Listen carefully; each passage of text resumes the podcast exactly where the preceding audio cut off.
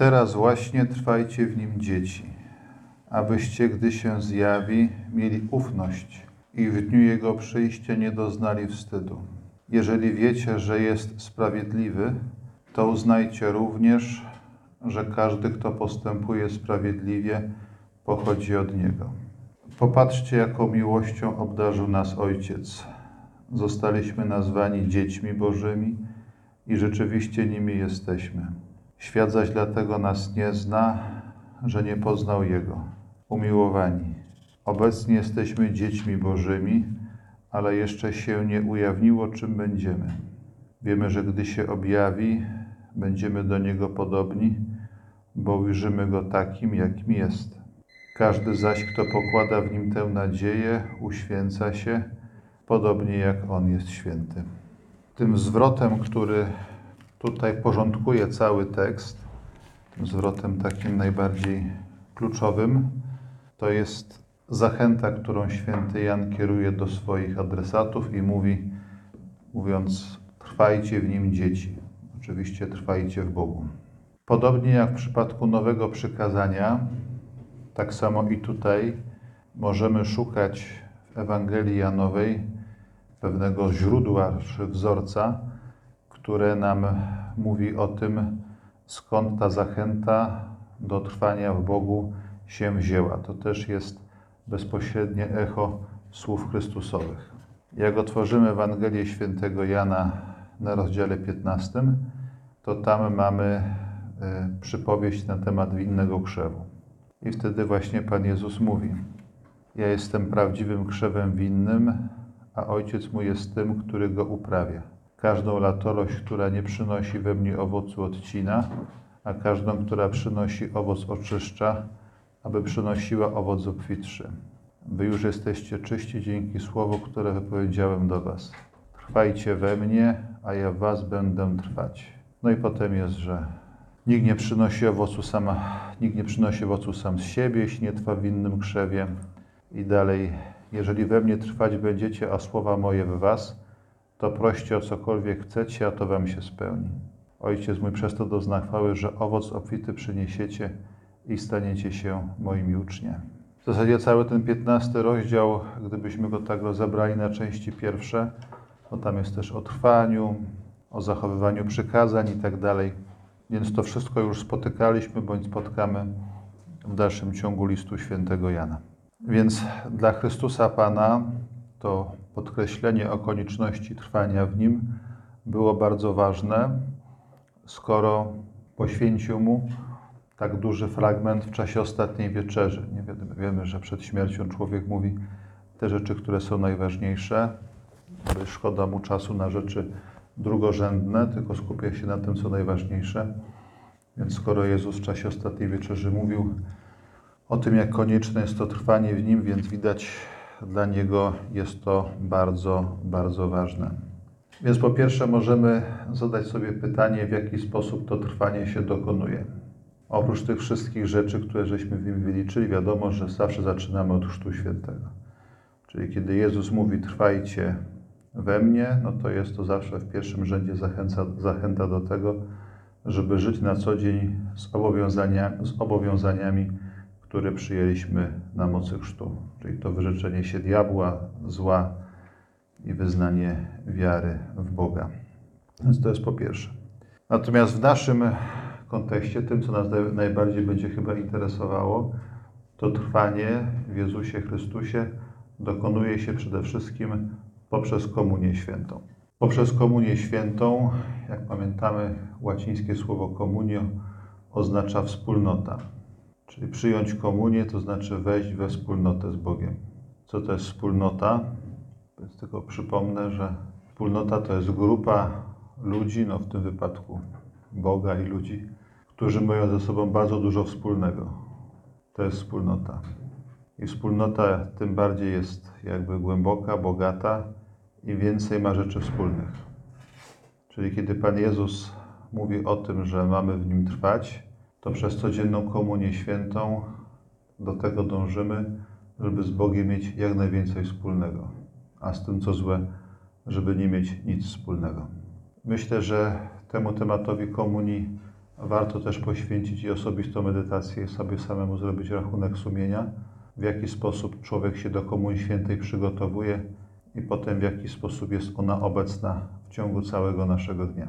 E, oczywiście mówimy o tym, że ta obecność sakramentalna no to trwa dopóki istnieją postacie eucharystyczne. Jak człowiek prawda, przyjmie hostię, no to ona się rozpuszcza w żołądku, więc jakby te postacie eucharystyczne przestają funkcjonować, no ale też nie jesteśmy metalową monstrancją, nie? żeby tą, ta hostia po prostu w człowieku trwała.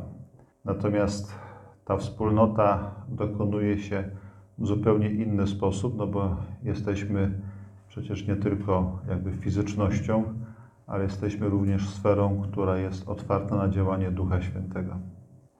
I ta komunia święta, którą człowiek przyjmuje każdego dnia, w jakiś sposób ma doprowadzić do tego, żeby coraz bardziej krok za krokiem człowiek przechodził czy przekształcał się, przemieniał również swoje myślenie na wzór myślenia Chrystusowego. To jest jakby bardzo wszystko ściśle ze sobą powiązane. To znaczy, przez chrzest jakby staliśmy się synami, dziećmi Bożymi przez przybranie i Komunia Święta to przybranie za dzieci ciągle w nas umacnia. Czyli jakby jej charakter jest ściśle trinitarny. Zresztą tutaj to wszystko, jak przeczytamy jeszcze raz ten fragment, to zobaczymy, że święty Jan posługuje się pojęciami, którymi opisujemy również życie wewnętrzne Trójcy Świętej. Że popatrzcie, jaką miłością obdarzy nas Ojciec, nie zostaliśmy nazwani dziećmi Bożymi, rzeczywiście nim jesteśmy. To jakby opis relacji pomiędzy Ojcem a Synem. Trwajcie w nim dzieci, nie? tak jak właśnie Ojciec jest, ojciec jest we mnie, ja, Ojciec we mnie, a ja w Ojcu. Nie? W pewnym momencie ten Pan Jezus mówi w Ewangelii Świętego Jana. I kiedy, go, kiedy się objawi, będziemy do Niego podobni, bo ujrzymy Go takim, jakim jest. Kto pokłada w Nim nadzieję, uświęca się podobnie, jak On jest święty. To są wszystko wyrażenia y, wynikające z bardzo głębokiego doświadczenia świętego Jana, kiedy on jakby no, odkrywał powoli, jakby, że życie chrześcijanina polega na tym wejściu w ten wewnętrzny dialog, który się toczy w łonie Trójcy. I Komunia Święta odgrywa w tym niebagatelną rolę. Ojcowie Kościoła Wschodu i Zachodu, to jest właśnie ciekawe, że tutaj są nad wyraz zgodni, a nie wydaje się, żeby nawzajem siebie czytali w tym wypadku, więc to są stwierdzenia takie niezależne od siebie, kiedy potwierdzają, mówią o swojej intuicji, mówią, że kiedy człowiek spożywa pokarm, no to jest rzeczą normalną, że ten pokarm przemienia w siebie. Jak tam zje obiad, no to ten obiad jakoś, jak wiemy z biologii, wchodzi w komórki i staje się częścią człowieka. Natomiast komunia święta, chleb eucharystyczny jest jedynym pokarmem, który robi dokładnie odwrotnie. Czyli nie człowiek przemienia komunię świętą w siebie, świętą hostię, ale święta hostia przemienia człowieka w świętą hostię. Trzeba sprawia, że coraz bardziej przynależymy do ciała Chrystusowego.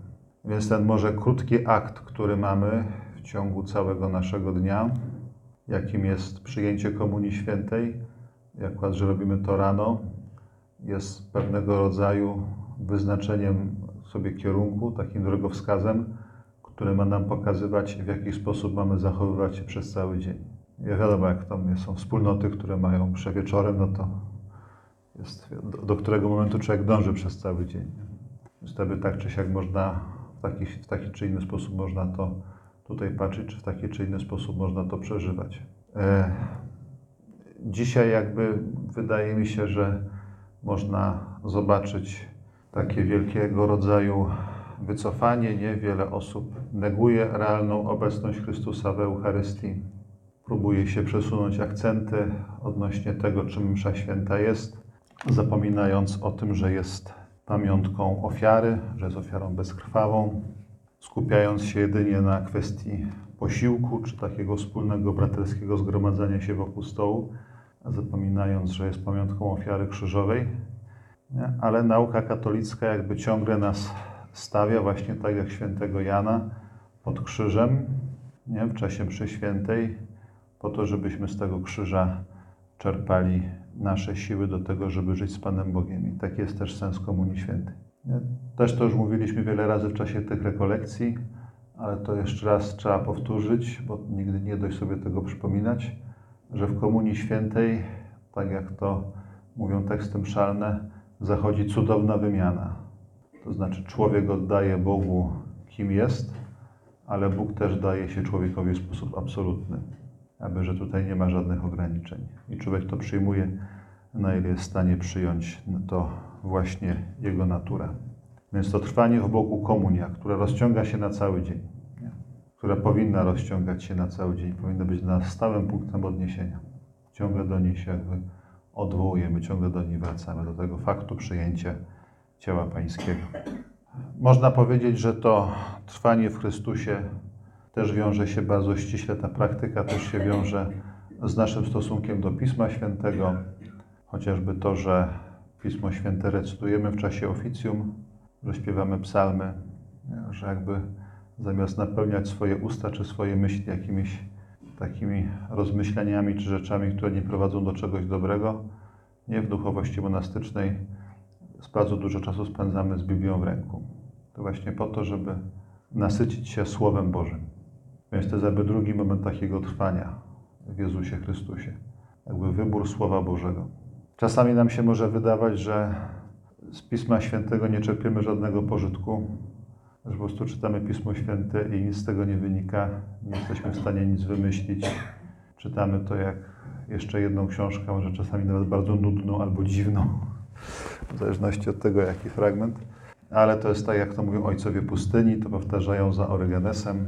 Jak jeden z właśnie z braci się skarżył starszemu, że czytam Pismo Święte i nic nie rozumiem. A stary do niego mówi, czytaj, czytaj, ty nic nie rozumiesz, ale demony uciekają. Więc jakby czasami jest to takie w duchu wiary, czy takie nasączanie się, e, ale w pewnym momencie jakby Pan Bóg nas odblokuje i te tajemnice Pisma Świętego będą przed nami otwarte. Każdy ma swoją drogę. Można to troszeczkę przyrównać do nauki języka. Nie? Człowiek uczy się słów, jakichś formuł gramatycznych, nie za bardzo wie, jak to wszystko użyć, nie może zaskoczyć ten silnik, no ale po jakimś czasie, jak już człowiek się nasyci, mózg mu się nasączy tym wszystkim, no to zaczyna powoli budować frazę, zdanie, potem jest w stanie rozmawiać w danym języku czy czytać książki. I z Pismem Świętym jest troszeczkę tak samo, więc nie wyrzekajmy się tej, tej możliwości, jaką nam daje, daje nam Słowo Boże. I to też jest taka, taki moment, kiedy się w Pana Boga zakorzeniamy, czytamy i rozważamy Jego Słowo. Trzecim sposobem takiego trwania w Bogu, to się wszystko oczywiście ze sobą wiąże. Nie? Im bardziej się angażujemy w jedno, tym więcej światła mamy w drugiej praktyce.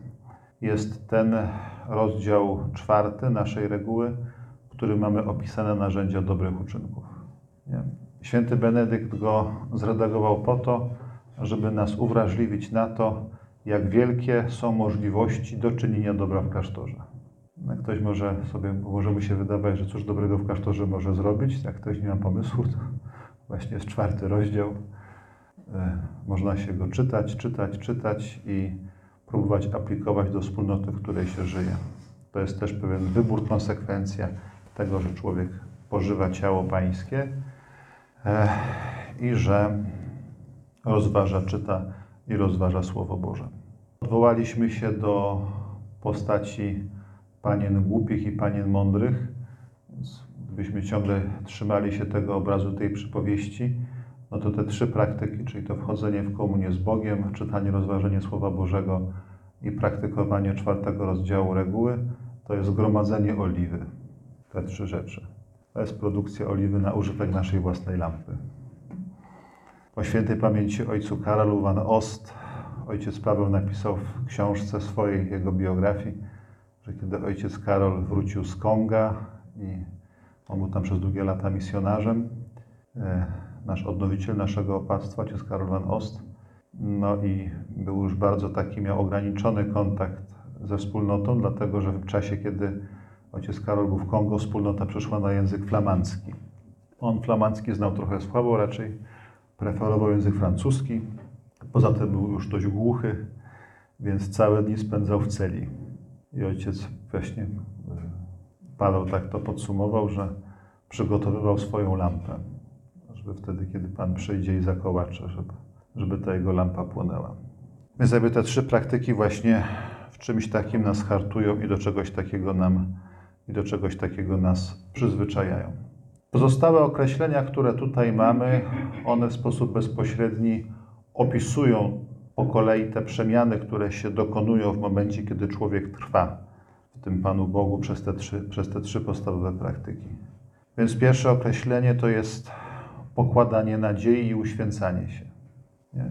Jeżeli człowiek przystępuje do Komunii Świętej, rozwa, rozważa Słowo Boże, stara się czynić dobro wokół siebie, czyli jakby tak podchodzi w taki pozytywny sposób do rzeczywistości, w której żyje, bez pretensji, bez narzekania, że mogłoby być lepiej.